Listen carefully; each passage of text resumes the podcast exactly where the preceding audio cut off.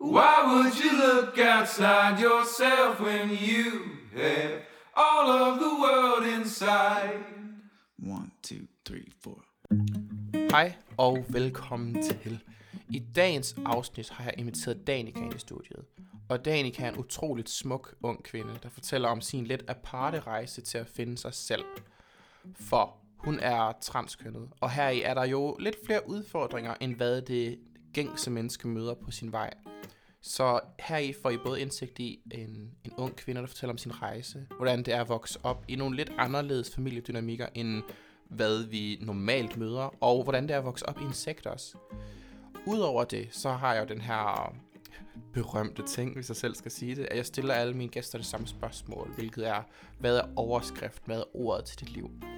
Og her siger Danica kaos, eller kaotisk, hvilket er nogle ord, som jeg ofte har mødt, når jeg har snakket med transkønnede mennesker, fordi desværre er der jo en tendens til, at ved det øjeblik, man erkender over verden ens identitet, at så mødes man med kaos og fordømmelse og fremmedhed.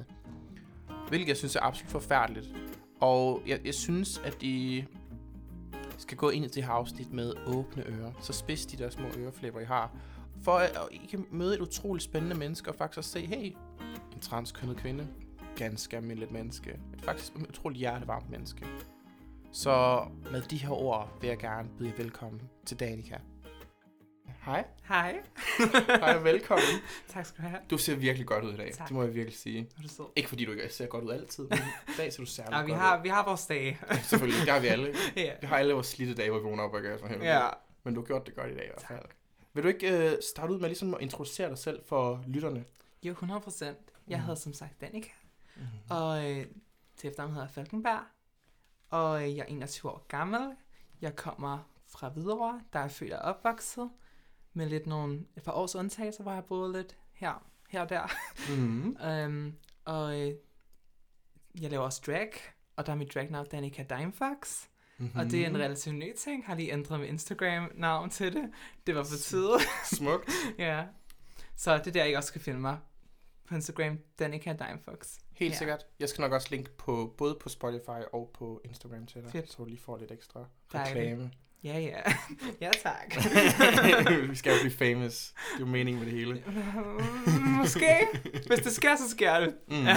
ja, for sådan noget sker jo bare. Ja, præcis. tilfælde. Det sker. Upsi. hov, så, hov, Og så. så bliver man lige berømt. Ja. Ej. Men jeg vil egentlig faktisk gerne, og igen, jeg har sagt det inden vi begyndte at optage, at hvis der er ting, jeg spørger om, som der er for Mhm. private, så skal du bare sige, shut up, eller et eller andet. Jeg skal nok sige det pænere, men jeg skal Åh, nok tak, også sige det det. var virkelig stort sagt af dig. Men jeg vil gerne grave ned til, fordi at, øhm, der er jo noget særligt ved dig, som der gør, at du skiller dig lidt mere ud fra mængden. Ja. Og det er jo, at du er en transkønnet kvinde. Og jeg vil gerne, at vi graver tilbage fra, hvornår at li- ligesom det startede, at du kunne mærke, at du var anderledes, Ja. eller at der var et eller andet i vejen. Helt så sikkert. lad os skyde det i gang. Ja, det er et godt spørgsmål, fordi jeg, der er flere svar. Mm. Mm. Øhm, der er der, hvor jeg blev bevidst om det, og så er der der, hvor at jeg ligesom sådan, du ved, accepterede det for mig selv, Okay. og begyndte at forstå, forstå, hvad det konkret var, fik et ord for det, mm-hmm. fandt ud af, du ved, konkretiseret lidt, Ja, hvad er det egentlig, ja, jeg føler. ja helt så, sikkert. altså, jeg har altid følt mig anderledes. Øhm, Mm. Jeg har altid haft langt hår, øhm, siden jeg var fire-ish. Mm. Og jeg passerede også i, for meget, i en meget ung alder som pige. Altså folk troede, at jeg var en pige. Ja. Og at jeg opdagede tit, hvis jeg var og sådan, hvad laver du her, nagtig?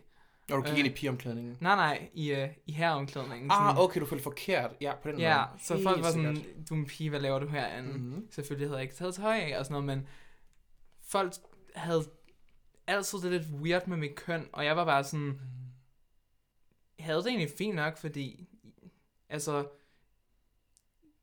jeg, jeg så feminin ud, jeg følte ikke, der var noget i min krop, der var forkert på den måde. Mm. Men til gengæld socialt kunne jeg godt mærke, der var en masse forventninger, hvad man måtte og ikke måtte, du ved. Mhm. Jeg havde lyst til et Hannah Montana Nintendo DS-spil, kan jeg konkret huske. Ej, Det var fedt. sikkert lort, men, øh, Nej, er det sødt. men øh, jeg havde lyst til det, og jeg vidste bare allerede der, hvor det var være sex eller sådan noget sådan. Det spørger man bare ikke om. Mm. I hvert fald ikke i min familie. Der var det ikke sådan noget... Altså, jeg kan da huske, der var historier om min storebror, der havde kommet make op i en ung alder, hvor at de havde fået en kæmpe skideball og sådan noget, drengen blev bøsse og sådan noget. Altså, Mm. Så jeg vidste bare, at der var nogle grænser, og øh, inden for det, der, der fandt jeg ligesom min måde at stadig være mig selv på.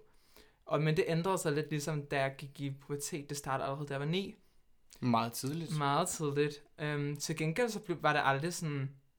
Jeg blev aldrig sådan ramt af en bus med testosteron. Du forstår, Nej. forstår, hvad jeg mener. Jeg forstår godt, men helt klart. Min stemme gik mere glidende i overgang. Den blev aldrig sådan pludselig... "Øh."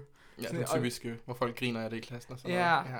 det er sådan, det kom bare, jeg, jeg gik i kirkekor på det tidspunkt, og jeg kunne Mhm. godt mærke bare sådan, det, det bliver lidt mere lyst, Mm-hmm. det bliver lidt mere anstrengt at synge de her meget lyse pigekorsange, Ja, fordi helt sikkert. i, i, i kor, der var vi sådan tre, øh, som ikke var piger, øh, i hvert fald biologisk, øh, cis piger. Øh, så der kan jeg godt mærke, okay, det begynder at blive mere og mere, der, det, det, det ændrer sig. Og Ja. så sådan, blev det bare sværere og sværere at pa- passe ind i det. Og s- min, jeg begyndte at gro skæg og kropshår og sådan noget. Det, og mit hår ændrede sig fra at være meget glat til meget krøllet. Mm-hmm. Så sådan, der var masser af ting, der var sådan, nå okay, jeg ligner lidt en anden person nu. Og der følte helt klart, der var tab af mig selv. Øh, jeg vidste bare ikke helt, hvordan jeg skulle beskrive det for andre.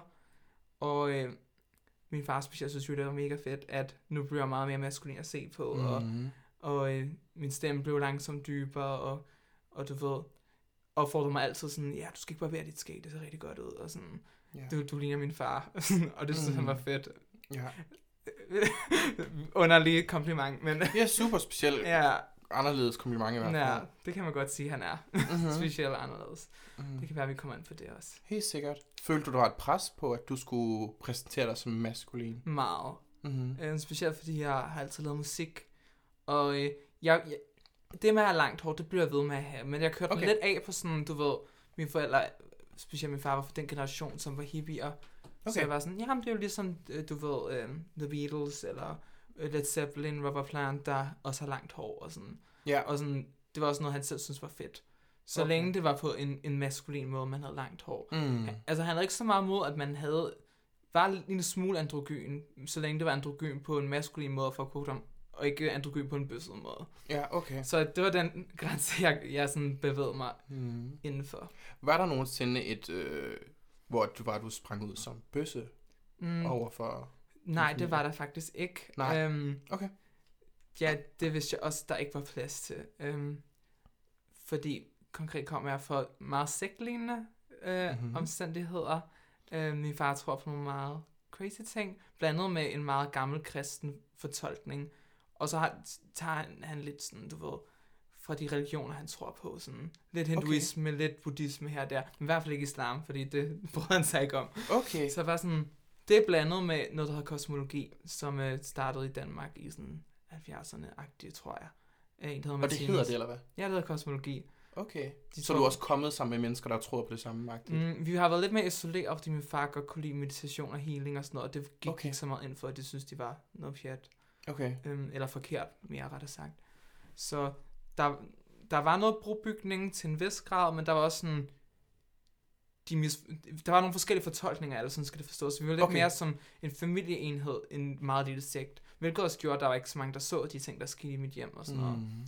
Og øh, ja, så af den grund, der, der følte jeg aldrig, at det var okay at springe ud som bøsse. Konkret fik jeg også øh, fortalt, at, at det var forkert. Øhm, Mm. der var sådan nogle kategorier, min far forklarede mig, øh, mensens udvikling blev opdelt i. Og hvis man eksperimenterede for meget med mænd, så ville man komme på noget, han kaldte afspore, og blive gennemført som med alle mulige gener næste liv og sådan noget, for vi okay. Tror også på reinkarnation. Så handicappet-agtige ting. Ja, eller? men også noget, øh, så kan du blive født som transkønnet næste liv. Fordi Okay. det, det, du ved, hvis, det hvis, det værste, der kunne hvis ske. det queer-personer er en Pokémon, er forståelsen lidt af sådan, uh. sidste udvikling af, af queer-Pokémon, er, at man er transkønnet, ikke?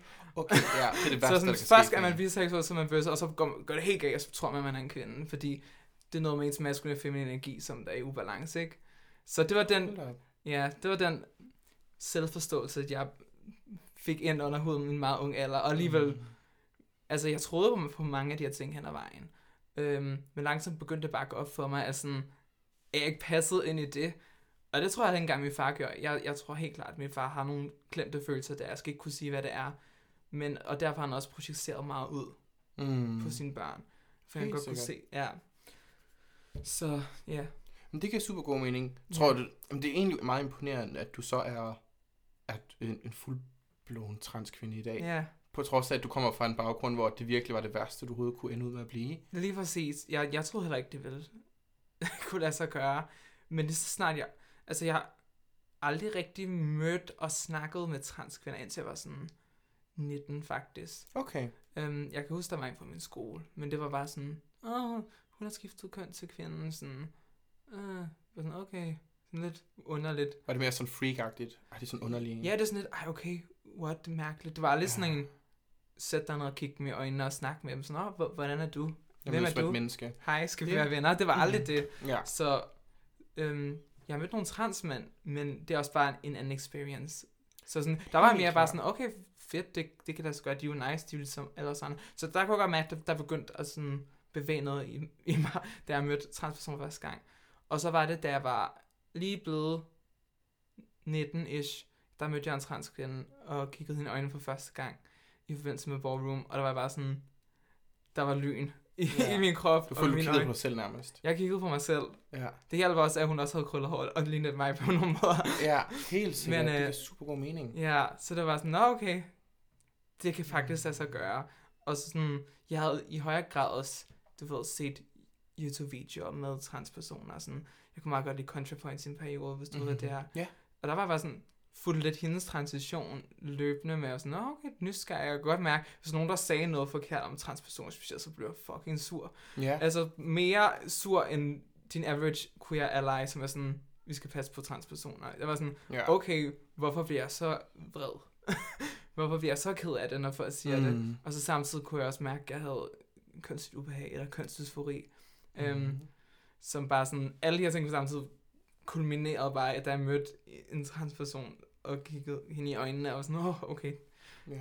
det kan man faktisk godt. ja. Har du lidt af kropsdysfori? Ja, ja det har jeg, og Ja. det gør jeg stadig. Så forståeligt nok. Ja. Forståeligt nok. Det er noget, der følger meget rejsen. Ja, det er det. Ikke Ja. for alle. Og øh, Nej, selvfølgelig. Nej, rigtigt. fedt for dem, der, der ikke gør, men øh, for mig er det klart. Men også fordi, at transkønnethed, eller hvad man skal kalde det, er Mhm. også en meget øh, flydende ting. Det er meget Det er forskelligt, hvor det. stort et behov man har for at ligne det køn, man føler som, eller om bare man er Præcis. androgyn, eller hvor det nu er, man placerer sig. Præcis. Og jeg tror helt klart, at jeg er blevet mere afslappet med det. Altså, jeg har det ret fint den dag i dag med, at jeg aldrig kommer til at være en cis-kvinde. Jeg synes, mm. det er meget Mm. fint at være en transkvinde. Jeg synes, det, det er dejligt at være mig selv, for det er det, jeg er. altså, Netop. selvfølgelig, hvis, at, øh, hvis der var en, man kunne tage en pille og blive cis-kønnet, så ville jeg overveje det. Øhm, Mm. men det, det, kan, det kan bare ikke lade sig gøre. Så sådan, jeg tror bare, jeg har givet lidt op på at prøve på at være cis-kønnet. Jeg tror det, altså der, jeg siger, at jeg har haft mange sådan transkønnede intersex-personer, Ja. ja. homo og whatever, inde og snakke med dem. Mm. Og der er jeg nået frem til, i takt med at lytte til alle deres historier, det er, at man skal se det som en gave. Mm. På trods af, at det føles som et helvede at vokse Mm. op i, og blive behandlet anderledes, behandlet forfærdeligt. Men du har fået øh, indsigten i, hvordan det er at være anderledes. Mm. Og du har mødt mennesker, og derfor er der en større chance for, at man har mere empati med andre mennesker. Ja. Er min erfaring i hvert fald. Helt klart. Så jeg havde jo også, dengang jeg var yngre, altså åh, hvis jeg nu bare havde været, kunne tage en pille, ligesom du siger, mm. og Mm. bare blevet hetero. For mm. tænk, Mm. hvor nemt livet ville have været. Lige præcis. Og det er det mest derfor, at den pille, den er tiltrængt. Det er mere for at undgå det økonomiske pres, og det sociale pres, og altså diskrimination, man går igennem. Ja, netop. Og bare kunne fokusere på de ting, som alle andre mennesker fokuserer Ja, ja. på. Bare leve, i stedet for, at man skal sådan lidt, og man skal også kæmpe for at bare eksistere. Ja. Altså, jeg, jeg vil hellere tage en pille, og så ændre verden, så at mm, jeg har de samme rettigheder som cis kvinder, og bliver behandlet med den Mm. samme res- respekt. Ikke fordi kvinder har den højeste respekt i samfundet, Nej, ikke nødvendigvis. men heller det er stadig, altså sådan, jeg føler lidt, det at være transkvinde, altså, det at være kvinde kommer også med nogle privilegier, sådan lidt på underlig vis. I hvert fald i forhold til min position som transkvinde. Og at være transkvinde føles det som at have alle privilegier, eller ikke have nogen af de privilegier, kvinden har, men alligevel blive behandlet som en kvinde. Så Okay. som du ved, specielt i forhold til dating, tænker jeg, Ja. det er den måde at, at blive set sådan, nå okay, du er en kvinde, whatever, men lige snart men de folk finder ud af, at du, du er transkønnet, så er det sådan, så lige meget, hvor meget du passerer, eller du har fået alle de rigtige operationer i folks øjne, der er det bare sådan, nå, altså, du, du er noget helt andet, altså, end, Mm. end det. Jeg ved ikke, om du forstår, hvad jeg mener. Altså, du bliver... Øhm, okay, du mister retten til at være en kvinde igen. Ja, lidt i hvert fald bliver, bliver ikke set som ligeværdig. Okay, ja, Ja. ja det giver super god mening. Det Ja. gør i hvert fald. Hvordan reagerer du i sådan nogle situationer? Øhm, jeg prøver ikke at tage det ind, og jeg prøver bare på at gå videre. Men, Men kan man det? Nej, det kan man ikke. Nej. Så jeg, tror, jeg bliver egentlig ret skuffet mest af alt. Og, øh, men det er, ikke, det er ikke de værste ting, jeg har prøvet, så det er også bare sådan lidt, i takt med, at man transitionerer og kommer et roligere sted hen, som bare er gået igennem så meget lort, at, at sådan nogle der ting, de fylder ikke mere end, end du ved, en samtale på et podcast, hvor man snakker om, at det er træls til tider, men det er ikke sådan, mm. altså, jeg er kommet videre. Ja, helt sikkert, helt sikkert. Ja. Jeg tror også, at... Øh, ikke fordi, at jeg skal underminere det, du har været igennem, Mm. men du har været heldig, fordi at du er så ung, og du lever Mm. i en tid nu, Mm. hvor der er meget med åbenhed, der er sociale medier. Lige man kan med mig møde lige sindet, og man sidder ikke alene i en lille by, Nej. og præcis. helt alene. Fordi at, øh, vi lavede på, øh, for et par dage siden, havde vi jo en paneldebat, hvor du var med i, og der nævnte jeg, at jeg kender en, der hedder Louise, som der, Mm. var, der er intersex, eller Ja. interkønnet. Mm. Og hun fortalte om, hun blev først øh, kom i gang med sin udvikling, hun var 30. Mm. Og der var det jo en lang ensom rejse, hvor man sådan lidt, for der er ingen, man kan, ligesom du kunne møde, da du var 19. Du kunne møde en, du kunne Mm. se dig selv i, hvor det sådan lidt, hun skulle gå ind på seksologisk klinik og alt muligt ja, mærkeligt for at blive undersøgt. Og blive afvist derinde, fordi det bliver åbenbart de fleste, Ja. af Ja, ja, hvad jeg hører om i hvert fald. Ja, ja. Specielt hvis du øhm, er en lesbisk transkvinde, der kan det godt være hårdt. Altså, jeg ser ikke mig selv udelukkende til, til hvad hedder det, mænd. Og spillet den del klart ned, når jeg er på klinikken. Jeg har bare sagt, om jeg er hetero. Bare Ja. sådan, ja, ja, jeg er, jeg er, til- jeg er til mænd. For det det nemmere. Ja. Det er meget nemmere, hvis du Mhm. passer ind i deres manuskript. Mm. for at være en kvinde. Også fordi jeg har nogle andre ting, som gjorde, at det var lidt svært. Øhm, jeg har været i psykiatrien, som øh, det er svært at have, have en samme eksisterende diagnose, lige meget om det, det er noget som angst og depression, eller om det er noget skizofreni, så altså sådan, Mm. det gør det bare sværere, at Helt klart. de har en idé om, at så er det grunden til, at du er her. Det er fordi, mm. du har en, en psykisk sygdom, eller whatever Ja. jeg, jeg prøver på at for, videreformidle deres verden, som jeg forstår det jo ikke. Så det er svært at, Helt sikkert. at, at give den rationelle forklaring med, mm. Med ikke? Så, Men har du nogle diagnoser? Hvis Øhm, må spørge ind til det. ja, det har jeg. Ja. Øhm, jeg er posttraumatisk stress Okay. øhm, fra min øh, opvækst. På baggrund af din transition? Nej, eller mere bare på baggrund af barndom? min barndom. Okay. Så altså selvfølgelig har det været en- nogle ekstra bolde at jonglere med mit køn, og Mhm. mm-hmm. det, det har aldrig været nemt med det også. Men Mm-hmm. Det har ikke været det, det, det sværeste i min opvækst. Det har klart ikke været det, der har defineret mit liv mest okay. i forhold til min, min psykiske, øh, mit mentale helbred. Mm-hmm. Ja. Må jeg spørge ind til nogle af de ting, der skete i din barndom? ja, det må du godt. Ja. Siden at Ja. du har posttraumatisk stress. Ja. Hvad er det, der skete? Øhm, vold, Mm-hmm. både psykisk og, øh, og fysisk, og meget social kontrol. mm-hmm. Mm. Øhm, det meste af mit liv har jeg ikke rigtig måtte have haft venner. Ja. Jeg har været meget isoleret i forhold til, du ved, så folk i skolen, folkeskolen, men til tider blev jeg også taget ud af folkeskolen. Det blev brugt lidt i led, også fordi min lillebror og jeg lavede musik, så sådan, vi blev tit taget ud. Altså, Mhm. mm-hmm. Der kunne nogle gange gå uger, hvor vi ikke var i skole, og det var, det var fint nok for skolen, fordi de fik, nå, men de laver musik. Vi kommer så optrådt på skolen tit, og sådan noget, så de vidste godt, at det, det var ikke bare et eller andet, min far sagde. Der var rent faktisk noget semi-professionelt allerede. Jeg havde, vi havde vores første betalte job, da vi var øh, 12, og min lillebror var 10.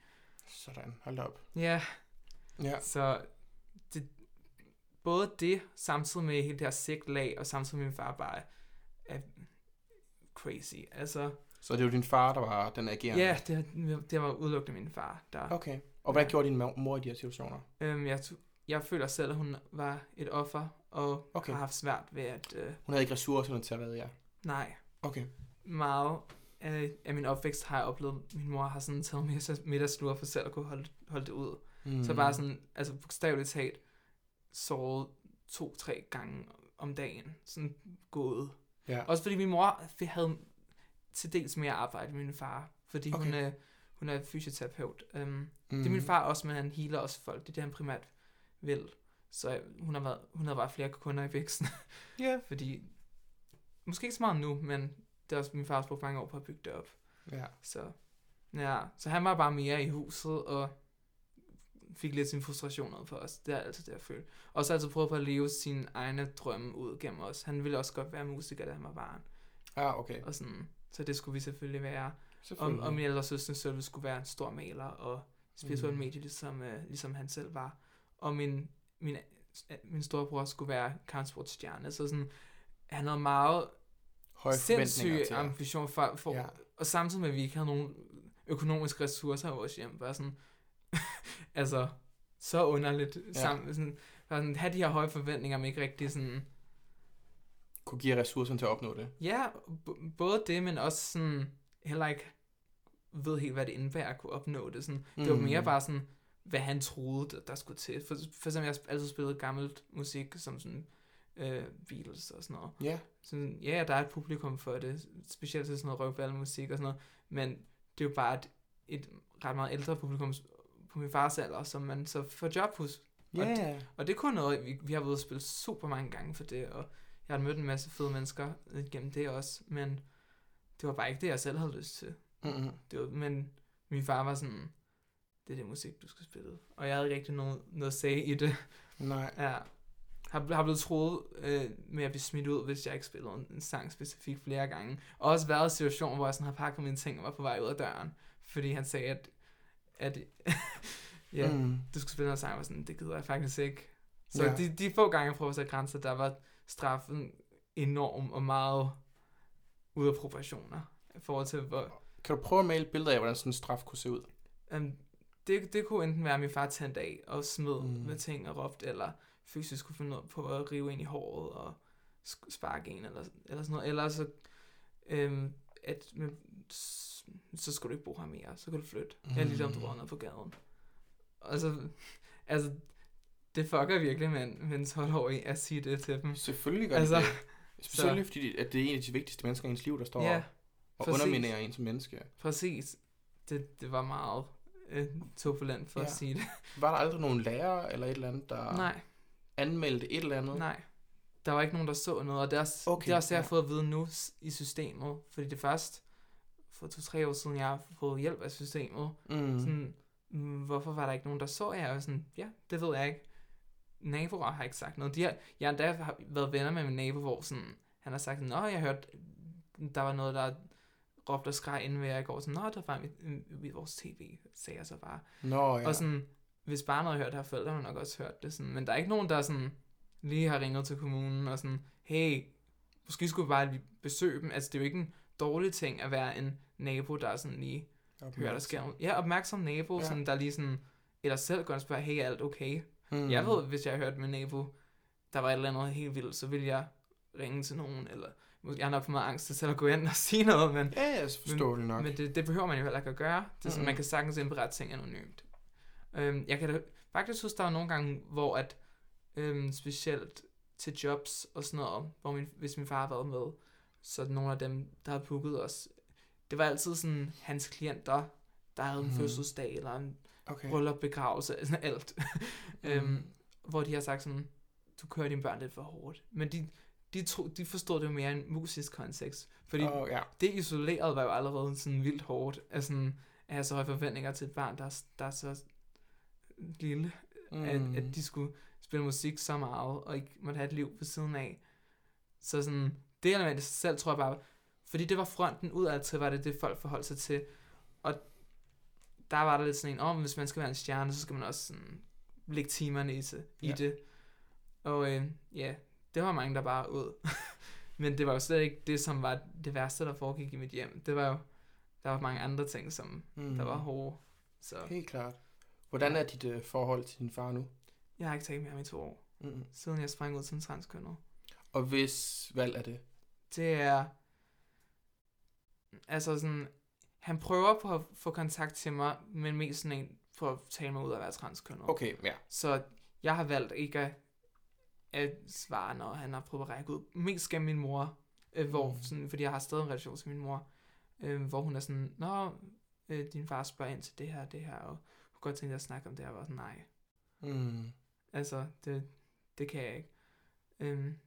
S- men min far er også meget impulsiv, så sådan, jeg, jeg blev smidt ud, da, da jeg kom ud som at være transkønnet. Det er også en lidt simplificeret måde at forklare det. Okay. Og altså, det var lidt mere komplekst end, end sådan en, du går ud af døren nu. Mm. Men da, siden jeg kom ud, kunne jeg ikke være med hjem. Øh, mere kort. Sådan, ja, konkret. Øhm, og min lillebror blev også røg med hugget, fordi han støttede mig. Så vi fik begge to hjælp af kommunen, og fik et sted at bo nu. Okay. Så, ja. Og I bor så sammen nu? Faktisk øh, ikke. Nej. Vi, har, vi bor 200 meter væk fra hinanden i sådan okay. anviste boliger, så vi bor meget tæt på hinanden, og det er vildt fedt. Ja, det er mega dejligt. Ja, Og I har en, en, en tæt relation, der er det har vi virkelig. Vi, Ja. ja. Der er landet over mellem os, så vi har altid været sådan lidt Ja, ja, okay. pseudo-tvillinger, og Mhm. øh, har sovet i seng sammen og sådan Ja, noget. ja. Ja. Og hvordan er hans øh, forhold til din far? Han har heller ikke en relation til ham. Okay. Og det har min ældste øh, søskende heller ikke. Min storebror har. Han har også lige fået øh, et barn. Øhm, så jeg tror bare, der er et eller andet der, som sådan... I don't know. Jeg, jeg, jeg kan ikke forstå det. Nej. jeg skal helt ærligt jeg kan ikke forstå Nej. det. Men øh, Det er ofte noget biologisk i mennesker, hvis at man selv får børn, så får man en hine til, at man vil have fat i ens egne forældre. ja, men egentlig også inden. Nå, Mås- okay. Måske fordi han har en kæreste, og hun vil gerne sådan have den der øh, sviger Familieting. familie-ting. Ja. Ja. I don't get it, men Nej. Gør, hvad jeg har brug for. Helt sikkert, helt sikkert. ja, Du, du, du øh, sagde, var kompliceret, hvordan at I blev smidt ud. ja. Fordi det var ikke sådan direkte, I skal gå nu, kommer aldrig tilbage, Nej, eller hvad? øhm, præcis. Det, det var ikke sådan... Da jeg kom ud, der prøvede han på at tale mig ud af det, og var sådan, Mhm. mm-hmm. du dør, hvis du tager hormoner. Øhm, Hold op. Ja, det havde man nu læst på en tid, fordi han havde godt mistænkt det.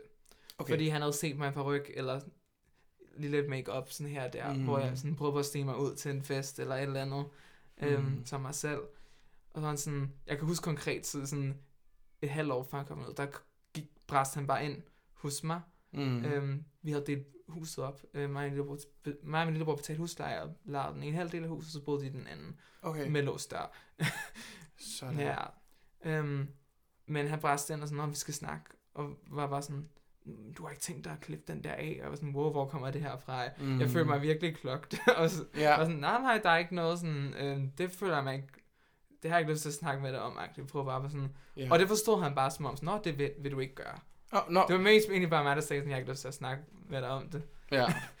Så også fordi jeg, jeg er ikke en person, der kan lide sådan, når, når folk konfronterer mig, kan jeg ikke lide at, ikke at sige det, som det er. Eller Mm. jeg, jeg kan ikke lide at sige sådan, nej, nej, det er jeg ikke. Jeg, jeg er mere sådan en type sådan, hvis jeg har lyst til det, så begynder jeg bare sådan at snakke udenom sådan, øh, ja, men øh, det, nej, det har jeg ikke lyst til at snakke om. Altså sådan, Ja, helt sikkert. så ja, Helt sikkert.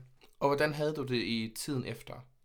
øh, jeg blev smidt ud, Mhm. mm. der havde jeg totalt meget depression, og Forståeligt, Ja. meget forståeligt. jeg glemte også tider til Center for Kunstig Identitet, og endte også med at blive smidt ud øh, fra dem, og tog ikke kontakt i syv måneder, før jeg følte mig var parat igen. Okay.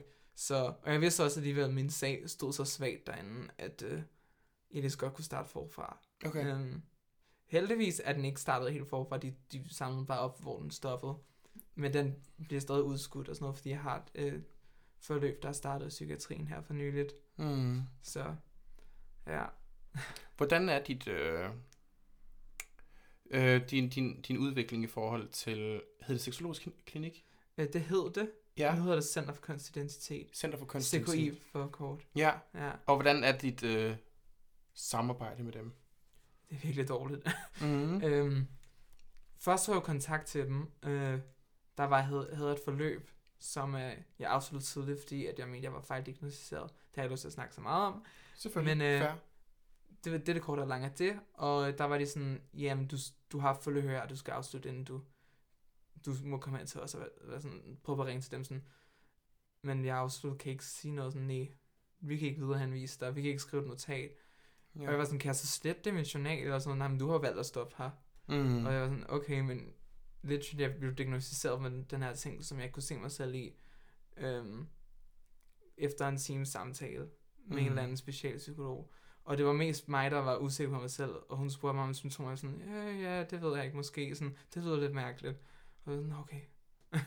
så, så fik jeg den diagnose, der bare gjorde, at jeg ikke kunne komme ind i sådan en Okay. Og så mig og min ældre søster Sølve, som også var virkelig investeret og hjalp mig så meget i den periode, øhm, vi skrev et meget langt brev til dem, efter vi havde fået sendt henvisninger frem og tilbage til klinikken. Ja. Og så, så så havde de læst det, og sådan se, okay, der er nogle sociale omstændigheder og sådan noget.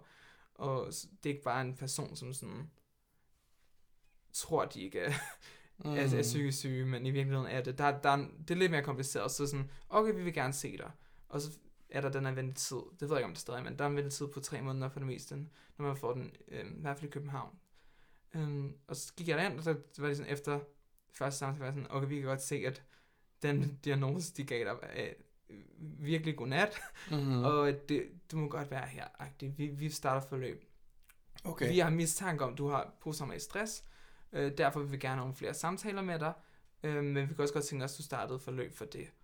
Og det var lidt lang tid at komme i gang med, fordi jeg efter et lidt traumatisk forløb i psykiatrien sidst var sådan, det har jeg sgu ikke lyst til at gøre igen.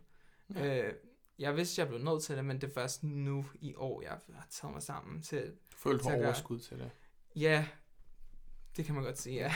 Det kræver meget, mange ressourcer at, at starte sådan nogle forløb op. Det gør det. Undersøge, spørge ind til akavede ting og have Ja, ja, ja, ja, det- ubehagelige samtaler. Og, Det, det gør de.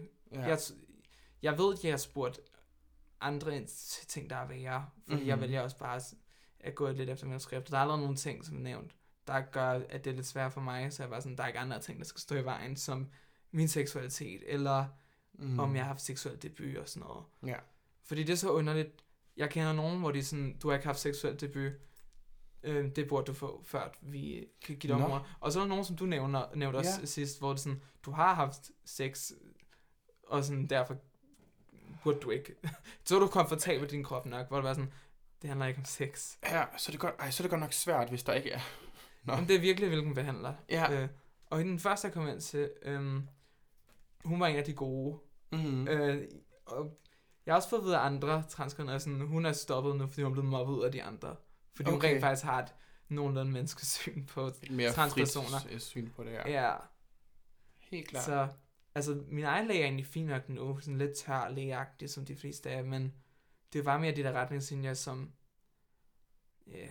Jeg kan også huske, jeg havde min mentor med sidst, hvor der også var sådan, efter man har været til, det er gennemsnitligt fire samtaler, men de tre lægger det også øh, efter person til person. Mm. For mig har det været en del flere, også fordi jeg har glemt en masse tider, eller har for meget angst til at dukke op derinde, fordi det kræver også en vis overskud at skulle tage dig ind Helt sikkert. det meste af tiden. Men da jeg startede igen, så har jeg kommet hver gang, øh, også til tiden.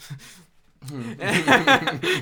øh, og så til sidst, sidste samtale, hvor det var sådan, okay, det sidste samtale skal på det, der hedder konference, hvor at de samler en hel masse læger på huset, sådan mega tidseffektivt, og koster sikkert slet ikke mange penge ja. at samle alle læger i huset for at snakke om én patient ja.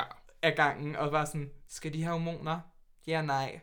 Ej, det, det synes vi ikke. Mm. Og, øh, og ja, så, så var min mentor der, og det, det, det sidste spørgsmål, samtidig var det okay og sådan noget. Nu fik jeg i gang med de ting, ting, du har snakket om, om hvordan du har haft det med dit køn hele din opvækst og sådan noget. Så var jeg sådan, ja ja. Så gik han gennem alle de notater, han havde skrevet, og jeg var sådan, det lyder meget fint. Og, så sådan. Ja. og så sidst siger han, om det er godt, du er med faktisk, fordi vi plejer tit at ringe til en psykolog, eller en pårørende, eller en mentor, sådan, Mm. og høre, hvordan du oplever Danikas køn. Sådan, oplever mm. du. Danika som kvinde? Ja. Hvor jeg bare var sådan, okay, jeg havde taget min mentor med for noget emotional support, og nu blev hun lige pludselig på en situation, hvor hun skulle gøre sig klog på, om hun oplevede mig som kvinde eller ej. Heldigvis Mm. havde hun som en ryg der, og var bare sådan, ja ja, Danika er 100% kvinde, med og uden makeup, altså sådan. Ja. Det ville være underligt, hvis hun var andet. Altså sådan, jeg kan slet ikke forestille mig det. Og det er sgu heldigt. Ja, det var heldigt. Ja. Jeg var meget heldig med min mentor. Har du skulle igennem sådan et psykologforløb Øhm, for at blive godkendt til hormoner? det er faktisk, jeg har haft to psykologsamtaler, Okay. Men det har ikke været terapi. Det har bare været sådan en psykolog, der gjorde det samme som en læge. Ja, Hvor der var nogle sådan noget- standardspørgsmål. Hvordan går det til hverdag? Hvad laver du til hverdag? Mm. Og hvordan har dit køn været? Ja. Øhm, Okay. Hvordan opvækst været? En til den ting, jeg fik spurgt øhm, mange gange. Nogle gange med en disclaimer. Første gang var psykologen sådan, stop mig, hvis det her det er helt langt ude, men kunne grunden til, at du er transkønnet være, at du har fået tæsk i din opvækst af din far? Og du ikke har lyst til at, at være en mand, fordi din far har været et dårligt forbillede. Oh god. bare sådan... det, var, det skød jeg også bare ned med det samme, fordi det er virkelig fornærmende. Det er meget fornærmende. Det er sådan, jeg er en person, øhm, jeg gør først ting, når jeg, når jeg er sådan 100 på, det er det, jeg skal gøre. Jo mindre, Mm. at jeg lige for sådan af alt kaos og bliver kastet lidt rundt. Men når det er sådan en vigtig ting, som ens køn det har i hvert fald meget vigtigt for mig. Så var sådan, jeg gad ikke gå derind, mens jeg var i den her questioning undersøgende periode, hvor jeg også, jeg var, der var nogle år, hvor jeg identificerede som non-binær. Okay. Øhm, men det var egentlig mest et værktøj for mig til at finde ud af, hvem jeg var. Så non-binær var bare lige en midlertidig identitet i min ex- experience, for ligesom at kunne have et pusterum til sådan, Mm. være lidt en, en clean slate til sådan, du ved, når, hvad, er, hvad er jeg egentlig? Og det er jo ikke sådan, det er for de fleste non men det var det for mig. Øhm, og, og der, ja, yeah, jeg, hvor kom vi fra? Der, jeg mistede lige tråden. Nå, ja, helt i orden, helt i orden. Men øhm, bare for at lige spørge noget Ja, helt ja. andet, ikke?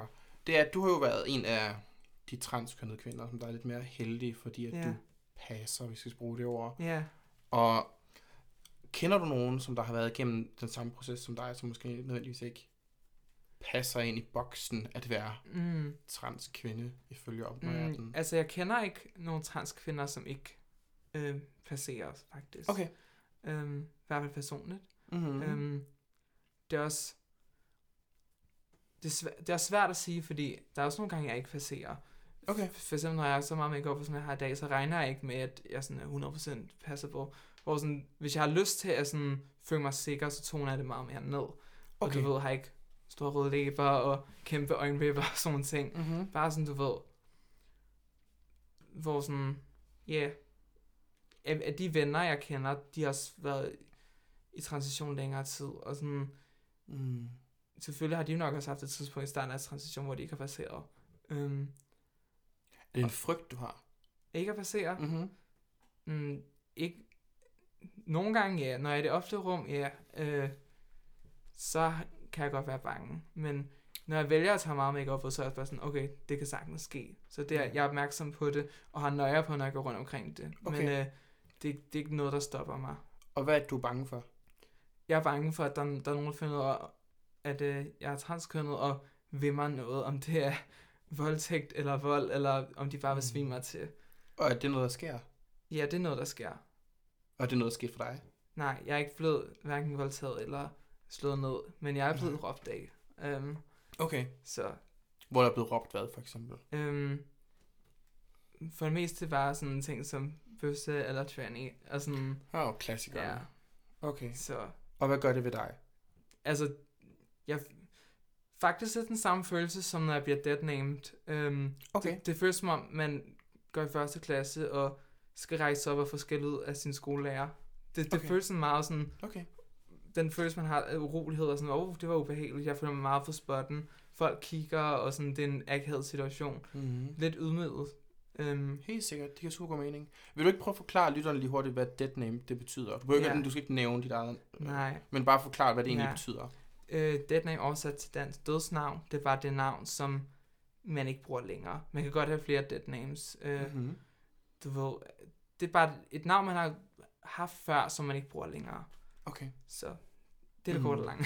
Og det er et navn, der er ofte forbundet med meget øh, smerte og sådan noget. Ja, øhm, der er også nogle gange, hvor at man har et dead name, der er, hvad hedder det, hverken et, et herre eller et dame, et, et interkønnet navn. Okay. Sådan, og så vælger man nødvendigvis ikke at skifte, eller sådan bruge det som mellemnavn, og sådan. Det kender jeg nogen, der gør. Mm-hmm. Øhm, så Helt sikkert. det, det er lidt mere komplekst, end, end bare sådan... Altså, jeg har... Det er underligt, fordi sådan... Der er stadig noget dokumentation for mig, der, der ikke er skiftet, for eksempel i metas og sådan noget. Der, når folk læser mit dead name op, så nogle gange, så bliver jeg dead named. Mm. Og der var sådan, jeg ved det, at når jeg lige snakker igennem telefonen, fordi jeg er en del af klubben Megatas, så kan jeg mm. godt Mhm. blive dead name. Men der er også bare nogen, der ligger trykket anderledes, fordi hvis man ligger trykket anderledes på mit dead name, så kan det godt lyde som et feminint navn. Okay. Så er det bare sådan, det er lidt underligt nogle gange nu at opleve, at sådan, selv når mit deadname står, så er det bare sådan, okay, så passerer jeg stadig. Det, det, så Mhm. føler man sig lidt accomplished. Helt Bare, sikkert. bare en anelse. Det kan jeg godt forstå. Men ja. Det er helt klart godt forstå. Har du fået ændret dit øh, navn på ja. dit pas og sådan ting Det også? gjorde jeg øhm, i oktober, der, der fik mm. jeg endelig Mhm. penge til det. Også fordi jeg fik, jeg fik faktisk at vide inde i Danmarks Transkunder, som er en Facebook-gruppe, øhm, at man burde være opmærksom på, hvis man har skiftet sit CPR-nummer, mm. Mhm. og ikke skiftet sit øh, juridisk man godt få en- en bøde. Nå, Hvis, fordi vi har jo en navnelov i Danmark, som siger, at du ikke må have et øh, CPR-nummer med et køn, der ikke stemmer overens med dit navn. Ja, Okay, noget dummeste i hele verden. Det- man det har er virkelig der. underligt, Man vil ja. hedde, hvad man har lyst til at hedde. Det synes jeg giver mening, men okay. Ja, men ikke i Danmark. Hvis du har et, øhm, et kvindeligt CPR-nummer, så må du ikke have et herrenavn juridisk. Og jeg var jo heller ikke interesseret i at have mit deadname juridisk, så bare fordi jeg ikke havde penge til det. Det kostede hvad, de der 1000 kroner at skifte, eller sådan noget. Mm. Eller 600, jeg kan ikke lige huske det. Ja. Men, men så, så fik jeg nogle penge, og min mor var sådan, du burde også skifte det. ja. Bedre, end du får en bøde. Jeg var sådan, okay tak. Gjorde det et eller andet for dig, da du så dit navn og dit CPR-nummer var ændret? Det gjorde det helt klart. Mhm. Mm-hmm. Det, der, jeg følte mig endelig sådan anerkendt også bare sådan, det er fedt ikke at skulle sådan forklare hele tiden, hver gang man skal vise ID. Altså, når jeg, øh, jeg er faktisk transkønnet, eller Ja. sådan, ja, ikke rigtig fik genkendt på sit pas, fordi det var lang tid siden, og sådan, ja, Ja. det er dig, det kan vi ikke se.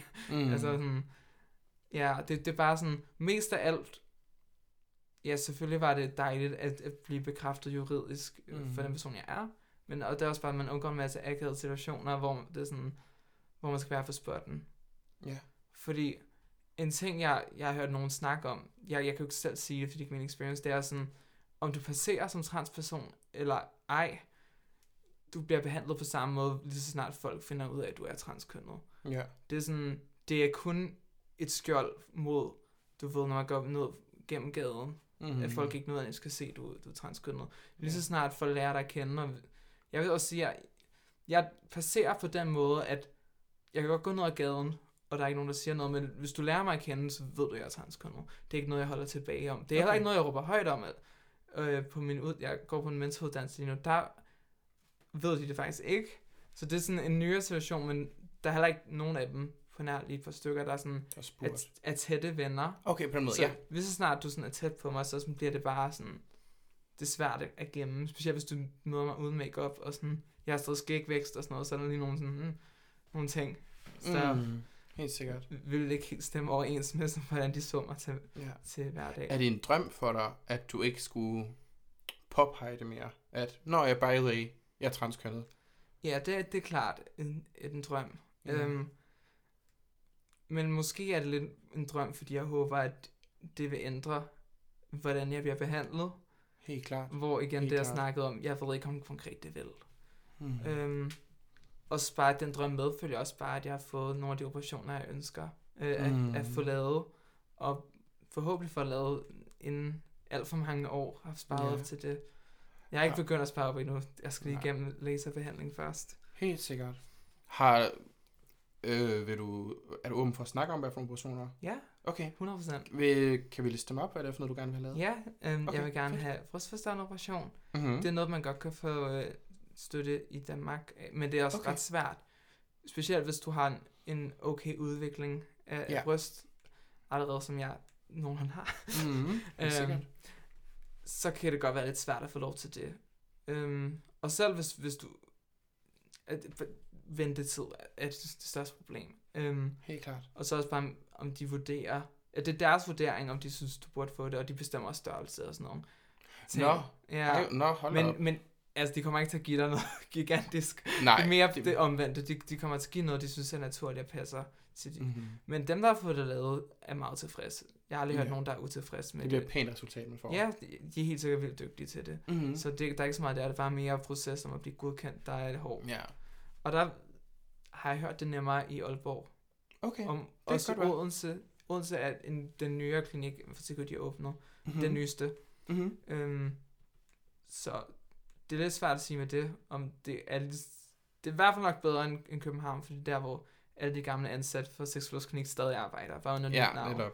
Der er ikke blevet Ja. skiftet ud i folkene endnu. Ja, Ja. det er så fjollet. De er også Det lige flyttet over på øh, retsmedicinsk, øhm, altså der hvor man kigger på lige. Sådan. Så der ligger centret nu, og det er bare sådan rigtig, du ved, gourmet-skilt. Mm-hmm. Øh, Sådan A4 papir, hvor der bare så center for kønsidentitet, står der lige noget, center for seksuelle ofre. Bare sådan, Fedt. Dejligt at sidde sammen med... Så retsmedicinsk og seksuelle ofre og transkønner, du ved, tre på stribe, Ja. man skal sige. Det er det samme åbenbart. Ja, det, det i hvert fald hører til det samme sted. ja. Fedt. Var der andre operationer? Ja, jeg kunne også godt tænke mig uh, ansigtsfeminiseringskirurgi. Mhm. Mm-hmm. Det som man vil kalde FFS, Ja, som er jo kæbe, brynsben Ja, lige præcis. og Specifikt. Øhm, ja, der- er mange ting, man kan få lavet Ja. ved det. Der er mange, der får lavet næse, hårgrænse, pande, skorstræk, brynben, kæbe, Mm. mm. øhm, hage. Ja. læber. Der, der er nogle forskellige ting, og det er ikke så meget, jeg ønsker der. Der ønsker jeg mest bare kæbe. At få reduceret Mhm. en smule. Ikke at jeg føler, at jeg behøver, men mere... Altså, når, når jeg siger til folk, så tænker de sådan, hold op, det, det lyder ekstremt i forhold til, at de kan se den insecurity, jeg har. Mm. Men det er Mhm. mere min egen dysfori, der er sådan... Helt sikkert. Mit selvbillede er bare fucked, fordi Ja. jeg stadig ser de maskuline features først. De springer bare ud, Mm. når jeg kigger mig selv i spejlet. Helt klart. Og der, der kan man ikke kommentere på det som udefrakommende, for dysfri, det er en underlig størrelse, hvor at Ja, du, det, du ser i spejlet, det, det passer bare ikke sammen med din virkelighed, præcis. er, er min forståelse. Og sådan er det dysfori. både med normal dysfori, der er ikke noget Mhm. normalt, der hedder Nej. kropsdysfori og kønsdysfori. Altså, det er ikke det samme, men det har samme karakter, mm. Mm. at du kan ikke rationalisere dig ud af det. Nej, det er bare noget, der ser forkert ud, du kigger på dig selv. Præcis. Ja. Og øh, ja, der er den, den simpleste behandling med, til det, det er at ændre det. Mm-hmm. Selvfølgelig vil man godt kunne arbejde med sig selv. Det, det har jeg også i hvert fald selv gjort, og Mm. Hormoner har reduceret en masse. Også bare det der med sådan, mine forventninger om, hvor hurtigt det skal ske. Og mm. jeg er sådan noget der, hvor sådan, jeg føler ikke, at det er nødvendigt for mig mere. Det følte jeg engang. Mm. Nu er det bare sådan, jeg, jeg drømmer om at få det. Frem for sådan, jeg føler ikke, jeg, jeg, jeg føler godt, at jeg kan leve et godt liv uden at få det. Ja. Sådan, Det, er bare, du, bare, det er bare en drøm nu. Det er en drøm. Okay. Hvis, et godt liv, hvis jeg skulle have et forrygende liv, så vil jeg have det lavet. Det er sådan, det skal forstås, ikke? Ja, men det giver super god mening. Det giver super Ja. god mening. Så der kæbe, øhm, pande, skrådstræk, brynben, og så også, jeg er ikke så glad for min hårgrænse, jeg synes, den er lidt firkantet. Jeg kan godt tænke mig, at lidt rundet rundere. af. Ja. Og der specifikt er der en teknik, hvor de kan både lave en hårtransplantation ved at bruge en, hvad hedder det, skære lidt længere op, Mm-hmm. og bruge nogle hårene der til sådan mm-hmm. at gøre det i et hug. Og det synes jeg bare lyder vildt sejt.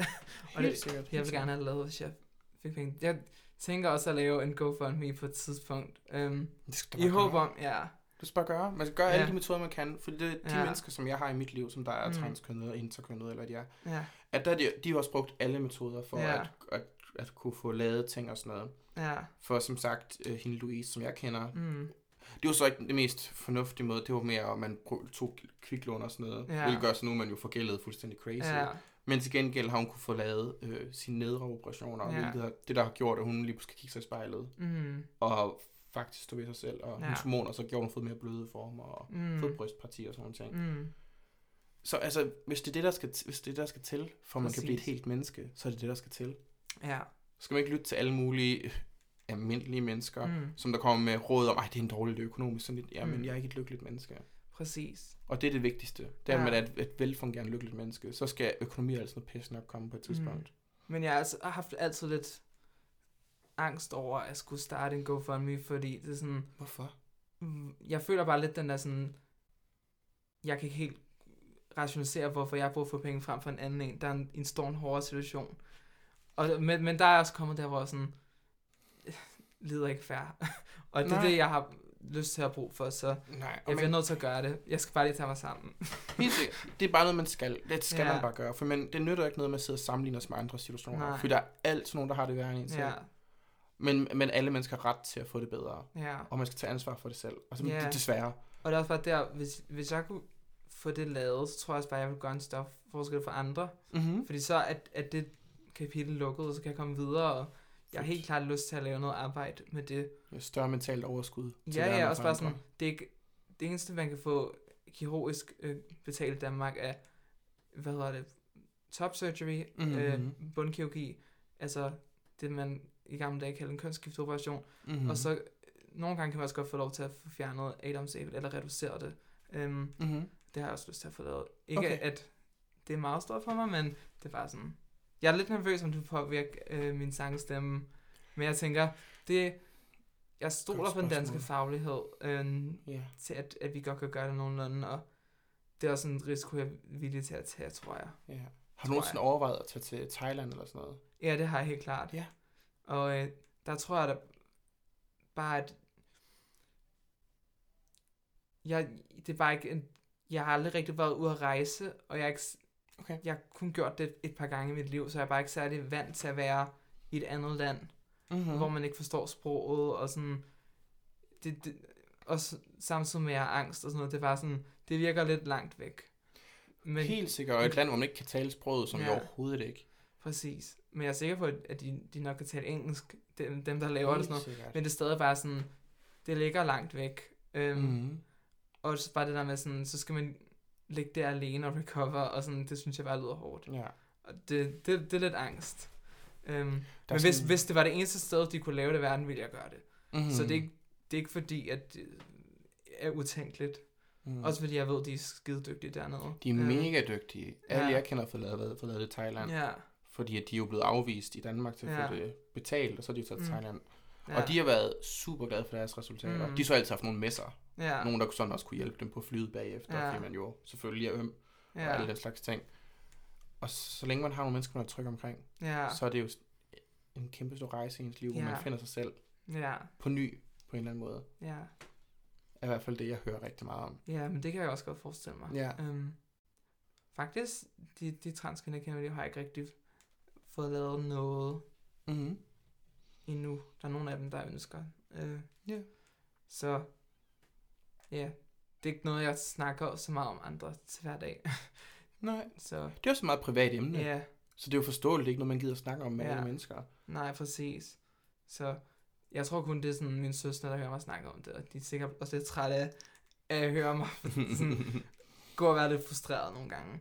Specielt fordi, altså, som sagt, der er, der er mange af tingene, der er vildt dyre. For eksempel ansigtsfeminiseringskirurgi, øh, det sted, jeg gerne vil have det lavet, er i Spanien. Fordi Ja. der er de også bare... Det, jeg vil sige nok en af de bedste steder øh, at få det lavet. Øh, facial team. Øh, I hvert fald i forhold til, hvad jeg ønsker, som er et mere naturligt resultat. mm-hmm. Øhm, og det er også bare vildt dyrt. Jeg tror, det er de tre ting, jeg vil have lavet, koster nok 200.000. Og det, det, Det er sindssygt. jeg tror, bundkirurgi koster sådan 100.000. Så det er sådan som at få Det, det, to meget gange. rigtigt, ja. Ja, men jeg ønsker faktisk ikke bundkirurgi. Ja. Øhm, jeg havde rigtig meget bunddysfori, øhm, inden jeg startede hormoner, mm. Mm-hmm. men siden jeg startede hormoner, der har tingene ændret sig lidt dernede. Øh, Som, som bare har gjort, at ja, det har de okay med. Mhm. altså, det, jeg har ikke nok dysfori omkring det, til at jeg har lyst til at ændre på det. Nå, det, Så. det er da så fint. Ja, Det er igen det der med, at der er ikke en specifik måde, man er transkønnet på. nej, og det er ikke definerende for mit køn. Mm. Så, og det har jeg lært, så det har det sgu fint med. Ja. Ja. Hvis du skulle give, nogle råd til nogle andre, som der er øh, ikke er så langt i den her proces, mm. som du er, hvad vil det så være? Øhm, først og fremmest hold ud. Mm-hmm. øhm, prøv at finde fællesskaber, hvor at, øh, du ikke er alene om det. Det kan godt være svært i Danmark. Øhm, jeg synes ikke, der er et særligt stort fællesskab. Øhm, Mm-hmm. For transpersoner, men til gengæld er der et, et fællesskab for queer-personer, og der er Mhm. nogle forskellige små bobler, så jeg er helt sikker på, at man, man kan finde en, der passer til en nogenlunde. Om ikke andet, finde online fællesskaber. Det kan mm. også Mhm. gøre meget af det. Øhm, at bare det med at snakke med ligesindede, øhm, som går igennem noget af det samme, og gør det mange gange.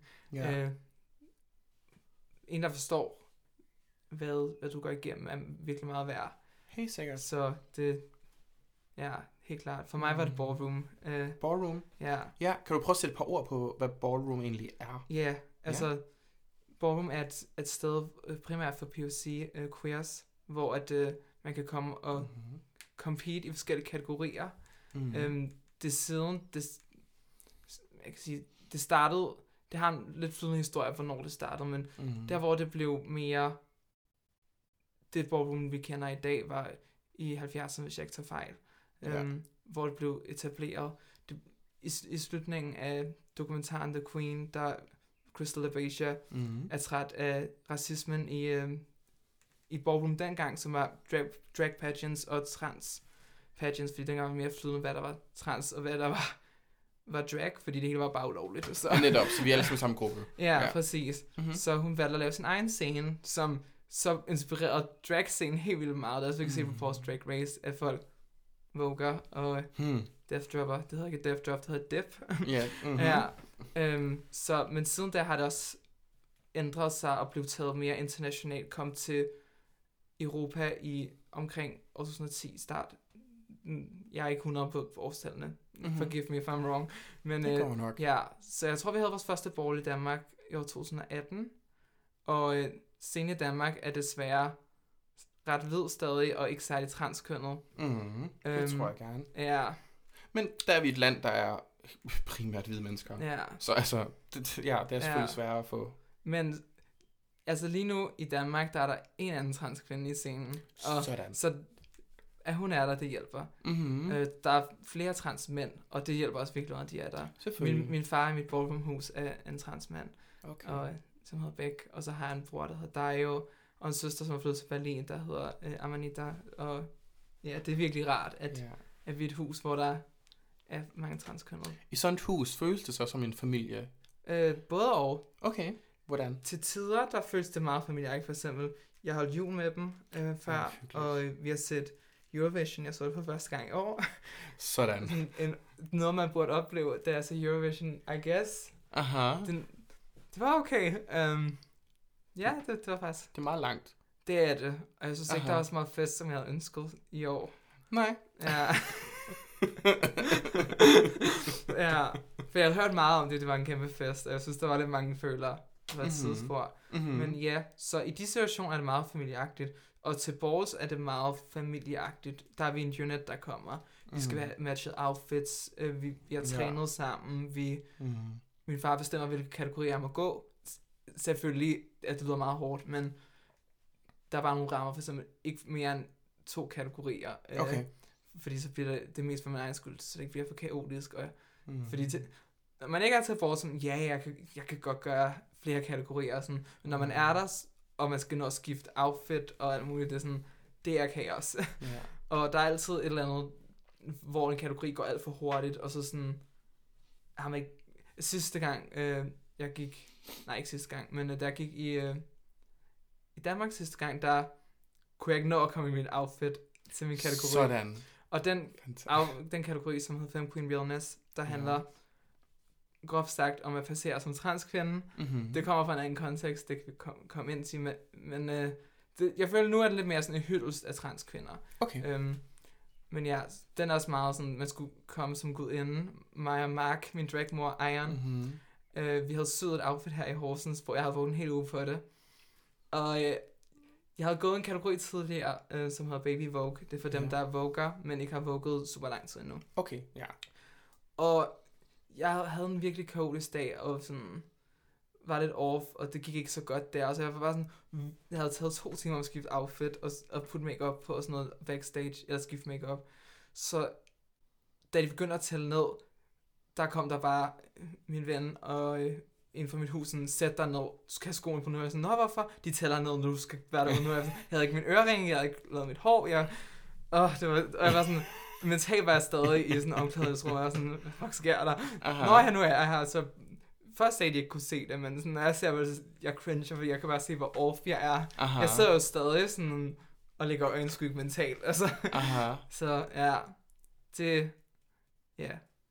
Så det, det kan godt være lidt kaotisk, og så der bestemmer ens, ens far ens husmembers øh, om, hvilken kategori man burde gå, og Hvad for er kategorier går du ellers? øhm, jeg, det har gået til balls af primært Femqueen Realness og, Okay. og Baby Vogue. Okay. Men jeg øver også en, øh, andre kategorier, som for eksempel hands performance. Der, Hvilket er... Er det Vogue-agtigt? ja, det er Vogue. Um, Eller det hvor man tager det, fordi Vogue har forskellige elementer. Ja. Og en af elementerne i Vogue 5, som er... Det er, Ja, som man, det er Dogwalk-agtige ting eller Ja, sådan noget. dogwalk er også element i, Aha. men faktisk i alle. Der, der er tre øh, overall former for Vogue. Der er Mm. Oakway, som er den originale, Mm-hmm. mm. som øh, hvis en seneste reference til det er Madonna. Ja, ja. Vogue, Det tror jeg, de flestes referencer Ja. er. det er Oakway. Mm-hmm. Så er der Mhm. New Way, øh, det er meget mere akrobatisk, øh, det er meget mere med stretching og, Okay. og splits og sådan noget. Ser meget vildt ud, kræver virkelig, at man er smidig. Det lyder også så meget. Det gør jeg ikke. øh, Oakway, det, det, det gør min far, og han har undervist mig i det, og det er noget, jeg rigtig godt kunne tænke mig at gå på et tidspunkt, men jeg, jeg vælger at fokusere på en til en gang. Mm. Men så i, jeg tror omkring i midten af 90'erne, der er Mm. transkvinderne i scenen, de var trætte af, at det blev meget sådan pose-agtigt, at... Øh, Madonna-agtigt. Ja, det, de, de, de synes, det var lidt... de, de synes, det var meget sådan staccato nok, altså sådan meget stift. Og Okay. de, de ville gerne putte noget mere sensualitet, noget sexiness ind i Vogue. Mhm. Og så kom øh, Vogue 5, Ja. og begyndte langsomt at udvikle sig. Og inden for det har vi nu to øh, overall hvad kan man sige, kategorier for det. Vi har øh, dramatics, Okay. som øh, for eksempel det, man ser på RuPaul's Drag Race, når nogen laver det, der hedder Death Drop, det hedder Dramatic Dip. Okay, ja. Så, og så har vi Soft and Cunt, hedder det. Okay. Undskyld min fransk. Det må du Det, det er mere sige. sådan dandy damer. Du Okay, ved. ja, man skal jo sådan have feminine, Blødt. bløde bevægelser og lækre Ja. bevægelser. Okay, ja, helt sikkert. Så, og så er der nogen, der blander det lidt, men det det er overordnet, det der er. Og Ah. dramatics er meget sådan... Altså, de her folk er ved altså, folk skal være få chok når de- når de ser det. Ja. What? Ja. Kan du det? Øh, jeg, jeg gjorde lidt dramatics, men min, men min far synes, jeg skal lave soft and cunt. Mm-hmm. Og jeg er sådan... Jeg blander det lidt øh, Okay. stadig. Mm-hmm. Jeg har ikke helt fundet mig selv 100% i det. Ja, ja. Øhm, Det er en proces. Ja, det er det. Så, Ja, det er da fantastisk. Det er da Ja. mega dejligt, at man finder sådan grupper. ja. Og så har du også fundet uh, Mark, også kendt under navnet Iron. Ja. Min som dragmor. din dragmor. Ja. Og det er en nyere ting, at du prøver at bevæge dig over i Øh, drag-universet. faktisk ikke 100%. Okay. Øhm, altså i ballroom, der kan man også sige meget, det vi gør er drag øh, på en måde, kan man godt Okay. sige. I hvert fald meget drag er inspireret ballroom. Ja, det, Så- ja, helt klart. Så outfitsene, make-up'en og sådan noget, det, det er meget mere real. Det er også der, hvor ordet realness kommer fra. Mm. Mm-hmm. Realness betyder mere egentlig bare at være ægte Ja. i, øh, i ballrooms forstand. Øhm, så for eksempel fem queen realness. Fem queen er begrebet, vi har for transkvinder. Realness mm. Mm-hmm. betyder, du passerer. Okay. Så, så har vi også butch queen realness. Butch queen er ordet for øh, homoseksuelle mænd i ballroom. Okay. Og øh, realness handler så om, at de passerer som straight. mm-hmm. Mm. Så det er også en, en kategori. Um, så nu skal jeg huske, hvad, ja, hvad jeg vil sige med det.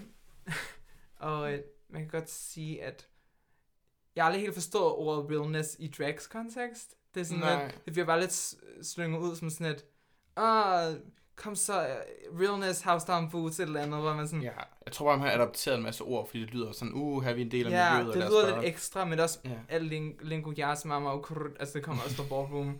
Altså, ja, ja. helt klart. ja. Helt klart. Så på den måde kan man godt sige, at jeg har lavet drag i det.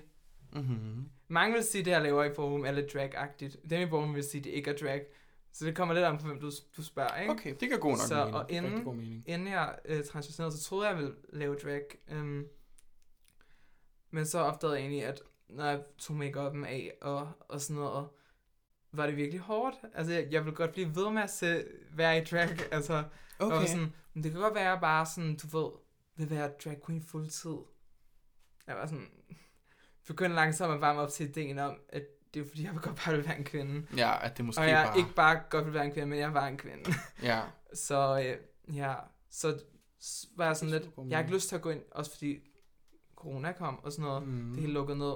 Men jeg har stadig ikke lyst til at gå ind i drag og vide, at jeg ikke kunne det måske bare var et busstop på vejen i med transition, sådan lidt, Mm. ah, lidt soul-searching moment og sådan, og det ved jeg også, der er folk i miljøet, der ser ned på, når transkvinder går ind i miljøet, Nå. øh, early transition og sådan, er du her, fordi du ved det, eller er du her, fordi sådan, Det er den vej frem til. ja, det er sådan, at, at du, du prøver at finde dig selv. Okay. Og der var sådan, det skal jeg ikke ud i. Nå. Og så troede jeg ikke, jeg skulle lave drag. Men så kom jeg lidt tilbage i det. Jeg var Okay. op til ideen, også fordi jeg synes, at jeg, jeg, jeg kan godt give noget til, til drag. Det tror jeg også, du kan. Som øh, andre mennesker ikke gør, eller jeg gør det lidt på en anden mm. måde. Mm. Sådan, noget, sådan, jeg har min eget lille twist på det. Sådan, nu er jeg stabil nok i mig selv, så jeg føler, at jeg kan gøre det sådan helhjertet, og ikke bare sådan, så gør vi lidt det, og så gør vi lidt det. Sådan, Mm. Nej, det, det er faktisk ret fedt, og det er noget, jeg synes er vildt fedt, drag. Så det det er tænker jeg, at øh, sjovt. Men så ja. bare sige sådan, det er også bare, altså, det er jo bare en fest at være det. det er det. Og det er en kunstform, og, ja, det, det er mere kunstform. og sådan mange ting, når jeg, jeg gør, igen, mange vil sige, at drag, make-up, hår, performer, Aha. voging, at synge, lip sync, alle de her ting. Mm-hmm. Det er jo Mhm. ting, som er elementer i, i hvert fald drag, som vi kender, det er sådan lidt mainstream-agtigt. Så jeg var sådan, det er jo oplagt, også fordi det er lang tid siden, jeg har lavet musik, øhm, sådan optrådt, Mm. fordi jeg synes, det, jeg ved ikke helt, hvor jeg skal tage hen. Nej. Og det har været et spørgsmål, der, der er gået med baghovedet og rodet rigtig meget, sådan, fordi selvom det har været under ikke ideelle forhold, så det der, jeg godt kan lide at, at performe og synge og sådan ting, det har altid været der. Det har altid Mm. været en motivation, jeg har haft. Det har ikke kun været noget, min far har panket ind i mig. Nej, Øhm, der er faktisk passion i dig også. Noget oprigtig det er der, har. og jeg har ja. været i tvivl et stykke tid. Er det, eller er det noget, jeg har fået lært, er det i min krop? Mm-hmm. Og jeg tror, jeg er noget lidt der, sådan, det er faktisk lige meget, hvorfor det er der, for jeg kan ikke fjerne det, og det bu- burde ikke Ja. blive fjernet. Det er der, Helt sikkert. og nu, jeg ved ikke, hvor jeg skal give det liv, og der er drag nok der, hvor det, jeg passer bedst ind, lige nu i hvert fald. Ja, at det er i hvert fald en, Ja. en vej, hvor du nemt kan blande forskellige ja. kunstformer sammen, og så Præcis. finde din vej i at skabe din egen vej, Præcis. i stedet for at bare skabe noget på baggrund af, at andre har sagt, Ja. ja. det skal blande, hvor du skal være på. Så udover at jeg synes, det er fedt, og jeg allerede gør det lidt i ballroom, Mm-hmm. mm. øhm, så er det også bare en scene, hvor jeg, jeg føler, at jeg, jeg kan komme tilbage til musik mm. mm. på en måde. Og det synes Helt jeg er vildt fedt, og det føles som om, jeg kommer lidt hjem igen. Ja. Ja. Vil du, hvis du skulle være sådan helt kort sagt, Mm. vil du sige, at du er ved at opnå et sted, hvor du føler dig sådan lykkelig og tilpas i dig selv? Tilpas, ja. Lyk, lykke mm, på vej. Okay. Altså, jeg har det bedre, men der er stadig nogle ting, som jeg, altså, jeg er forløb. Øhm, jeg er i gang med at starte Ja, du mangler helt medicin og sådan nogle Ja. ting, og samtaleterapien er ikke helt gået i gang endnu. Sådan, så der, Den stadig- rejse, du på. der er stadig nogle ting, hvor jeg skal blive stabiliseret med mental helbred, og mm. Inden jeg også kommer i gang med PTSD-pakkeforløb og sådan noget. Ja, Så der er en masse bump på vejen, kan man stadig sige derhen. helt Men, sikkert. øh, helt sikkert. Jeg føler mig mere stabil i nogle dele af mit liv. Okay. Og det var også det, at jeg var sådan, at jeg kan ikke gå ind i mit mental helbred, mens jeg er i starten af min transition. Det er simpelthen for meget på en, på en gang. Det kan jeg Så nu- helt klart godt forstå. Så nu er det, det ene lidt i ro, så det andet mm. kan godt få lov til at, at blive behandlet lidt. Mm. Det er i hvert fald det, jeg har gjort. Det kan godt være, der var andre måder at gøre det bedre på. Det ved jeg ikke. Det er jeg det, tror vil. ikke, der er nogen rigtig måde at gøre det på, for at være helt ærlig. Fordi ud fra alle de samtaler, jeg har haft med folk, så har det været alle mulige underlige måder, man nåede frem til sit, sin helhed. Ja, Så der er ikke noget, det er den noget, der føles rigtigt for dig, der er den rigtige. Præcis. Så altså, der, er- ja, det er igen det der med, med køn og sådan noget, det er bare en underlig størrelse. Mm. Og man kan ikke sige sådan, det er den her måde, du er en kvinde på, den her måde, du er en Nej. mand på. Man er kvinde, når man føler sig som, som en kvinde. Det er det. Og det er helt kort sagt det, man kan bare kan sige. Man er kvinde, når man føler sig som kvinde. Ja, ja. Punktum. Præcis. Også i forhold til min seksualitet, der ved jeg heller ikke, om jeg er stabil endnu. Jeg synes stadig ikke, jeg kender mig selv 100% der. Den rejse kan være rigtig lang. Ja. Den, er, den er lang for alle os. Altså, også Ja. for, mig- okay, for, for mig nødvendigvis, fordi jeg er altid vidst, jeg var til mænd. Men Ja. mange mennesker, jeg kender, det er også sådan noget. Mm. Okay, vi svæver lidt rundt. Nå, okay, og vi er med det menneske. Og, og der er det jo så Mm. fantastisk, nu lever i en tid, hvor der findes sådan noget som panseksuel, Ja. og demiseksuel, og hvad der ellers findes af ting. Nej, jeg kom faktisk ud som pan. Øh, Aha. et halvt år inden jeg kom ud som trans. Okay, Ja. Øh, men det var sikkert. mest til min lillebror og, og mi- mine ældre søskende og sådan lidt andre. Jeg kunne også godt mærke, lige så snart jeg begyndte at sige til folk, også i min skole og sådan noget, at jeg var pan, der ændrede det sig også lidt, hvordan jeg blev behandlet. Okay. Specielt sådan noget med at være perceived male, og piger var interesseret i mig inden. Mm. Mm. Lige så snart jeg sagde, at jeg var pæn, så var de ikke. Og det var meget underligt at opleve. Super underligt. Det er super det er underligt. som om, der er noget stigma for bare at pæne mænd, at, sådan, mm. at de er lidt sådan beskidte, eller i hvert fald sådan Mm. uattraktive. Ja. Ja, også, men også sådan lidt uattraktive, fordi de også er til mænd. Men det er jo bare sådan en... Øh, det er jo sådan en homofob-agtig Ja, ting. Det der med, at hvis at mænd er tiltrukket af mænd, mm, så er det bare Det er fordi, det jo. Ja, det er bare sådan en pervers, ulækker ting. ja, Og det er jo sådan, der bare stadig ligger i- ibygget i mm, vores verden og samfund, at hvis man er lidt tiltrukket af specielt mm, mænd, ja, så er, det, så er man lidt ulækker, lidt pervers. ja, ja, Hvor hvis 100%. man siger bare som kvinder, siger, Nå, men jeg er også tiltrukket kvinder, mm. eller jeg bare er tiltrukket kvinder, så er det sådan lidt, Nå, det er, mere bare, det er lidt mere lækkert. Ja, det er det. Også, men til gengæld er det også sådan meget seksualiserende. og sådan, Ekstremt så er det, sådan, det, det er seksualiserende. bare det er pornoindustri, der vi har præ- præget Ja. det her fuldstændig. det er det. Det, det er nogle underlige forskellige konsekvenser, der fører med, med positionerne, ikke? Helt klart, helt klart, helt klart. Ja. Hvordan vil du identificere du dig nu i forhold til din seksualitet? Øh, godt spørgsmål. Ja, der behøver ikke være et svar. Ja, Der behøver ikke være et svar. jeg vil svare med- at forklare lidt rejsen. Øh, Mhm. Så jeg kom ud som pan der, har altid vidst, jeg var sådan lidt til begge dele, nok mest til mænd. Ja. Jeg brugt pan, fordi det lød sådan, det lød lidt nu, det lød lidt woke, det lød lidt sådan, Aha. man kunne gemme sig lidt bag, du ved, dis- diskursen om det sådan. Det, Det, det, tror, mening. det tror jeg også, der er andre, der, der kan relatere til det der med sådan, Det tror jeg også. at nogle paraplybegreber kan nogle gange gange godt bare være noget, man kan sådan Brug som skjold. bruge som et skjold. Sådan. Aha. Ikke fordi jeg vil invalidere folk, der er pæn. Nej, nej. Fordi det er jo nok stadig lidt, uh, I don't know. det, jeg, jeg tror også, jeg er bare sådan lidt, at putte et label på, at er ikke for min egen skyld, det er mere for, for andre folk skal forstå det. Det der med, med at fortælle, at man er en transkønnet kvinde, Mm. mm. det er sådan, ja, ja, det er det, jeg er, men hvis vi levede i en verden, hvor det ikke fyldt, om man var cis eller trans, så ville mm. jeg jo Mhm. bare sige, at jeg var kvinde. Mm, netop. Ligesom cis-personer gør. Det er også derfor, at cis-personer bliver sure, når nogle gange, hvor man kalder dem cis, for sådan, men jeg er jo bare en kvinde, eller jeg er bare en mand, sådan, ja, Same. jeg er også bare en kvinde. Men, men det er jer, der insisterer på at spille den her leg, hvor vi skal sådan have et, et præfix på det, Mm. og sådan, og det, det er jo bare sådan, men så bliver vi nødt til at beskrive, for vi begge to stadig er, er equal på en eller anden måde, at sådan, din experience er bare cis-kønnet, Ja. som betyder, at der er sammenhæng mellem det, du blev tildelt ved fødslen, det, ja.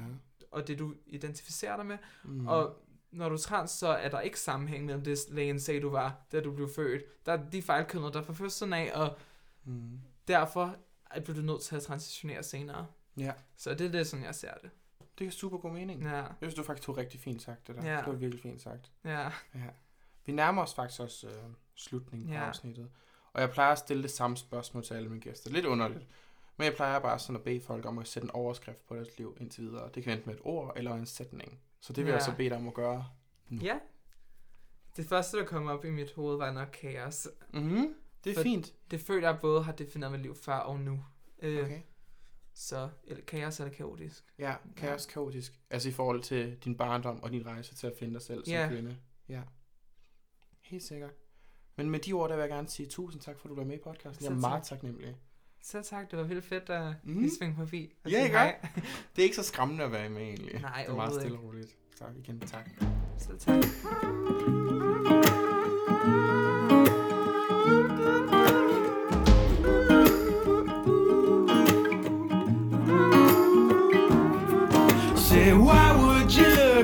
Outside yourself when you have all of the world Why would inside? you look outside yourself